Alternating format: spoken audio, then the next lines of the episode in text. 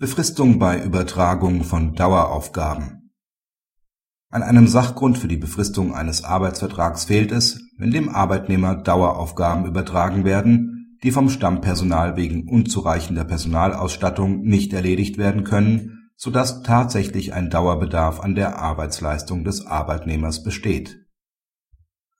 Die Arbeitgeberin (ein Arbeitsamt beschäftigt die Arbeitnehmerin gemäß § 14 Absatz 1 Satz 2 Nr. 1 Teilzeit - und Befristungsgesetz befristet mit der Zielsetzung, bestehende Bearbeitungsrückstände in der Bearbeitungsstelle für Angelegenheiten nach dem Sozialgesetzbuch, insbesondere unerledigte Widersprüche, zu reduzieren. Im Haushaltsplan der Arbeitgeberin sind Mittel für Vergütungen der Kräfte mit befristetem Arbeitsvertrag ausgewiesen die Arbeitnehmerin wendet sich gegen die Beendigung ihres Arbeitsverhältnisses mit der Begründung, der Bedarf an ihrer Arbeitsleistung habe nicht nur vorübergehend, sondern dauerhaft bestanden. Das üblicherweise in der Bearbeitungsstelle anfallende Arbeitspensum könne mit den planmäßig Beschäftigten nicht bewältigt werden. Die Revision beim BAG hat Erfolg.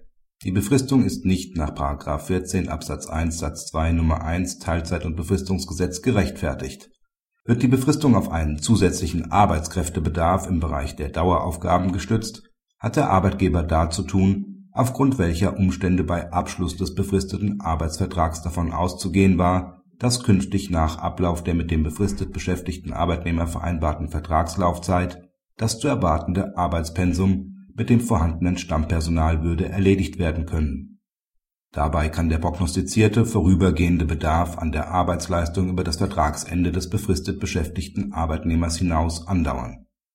Aus der Prognose muss sich aber der nur zeitweise betriebliche Bedarf an der Arbeitsleistung ergeben. Dies ist nicht der Fall, wenn tatsächlich ein Dauerbedarf an der Beschäftigung zusätzlicher Arbeitnehmer besteht, wenn also die anfallende Arbeitsmenge vom Stammpersonal üblicherweise nicht bewältigt werden kann Ebenso ist die Befristung nicht gemäß § 14 Absatz 1 Satz 2 Nr. 7 Teilzeit und Befristungsgesetz gerechtfertigt. Der Formulierung im Haushaltsplan „ Kräfte mit befristetem Arbeitsvertrag “fehlt die erforderliche konkrete Zweckbestimmung für die Beschäftigung mit einer Aufgabe von vorübergehender Dauer.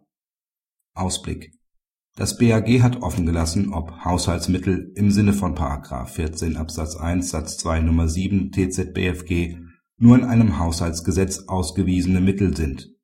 Wäre das der Fall, könnten sich Selbstverwaltungskörperschaften des öffentlichen Rechts nicht darauf berufen.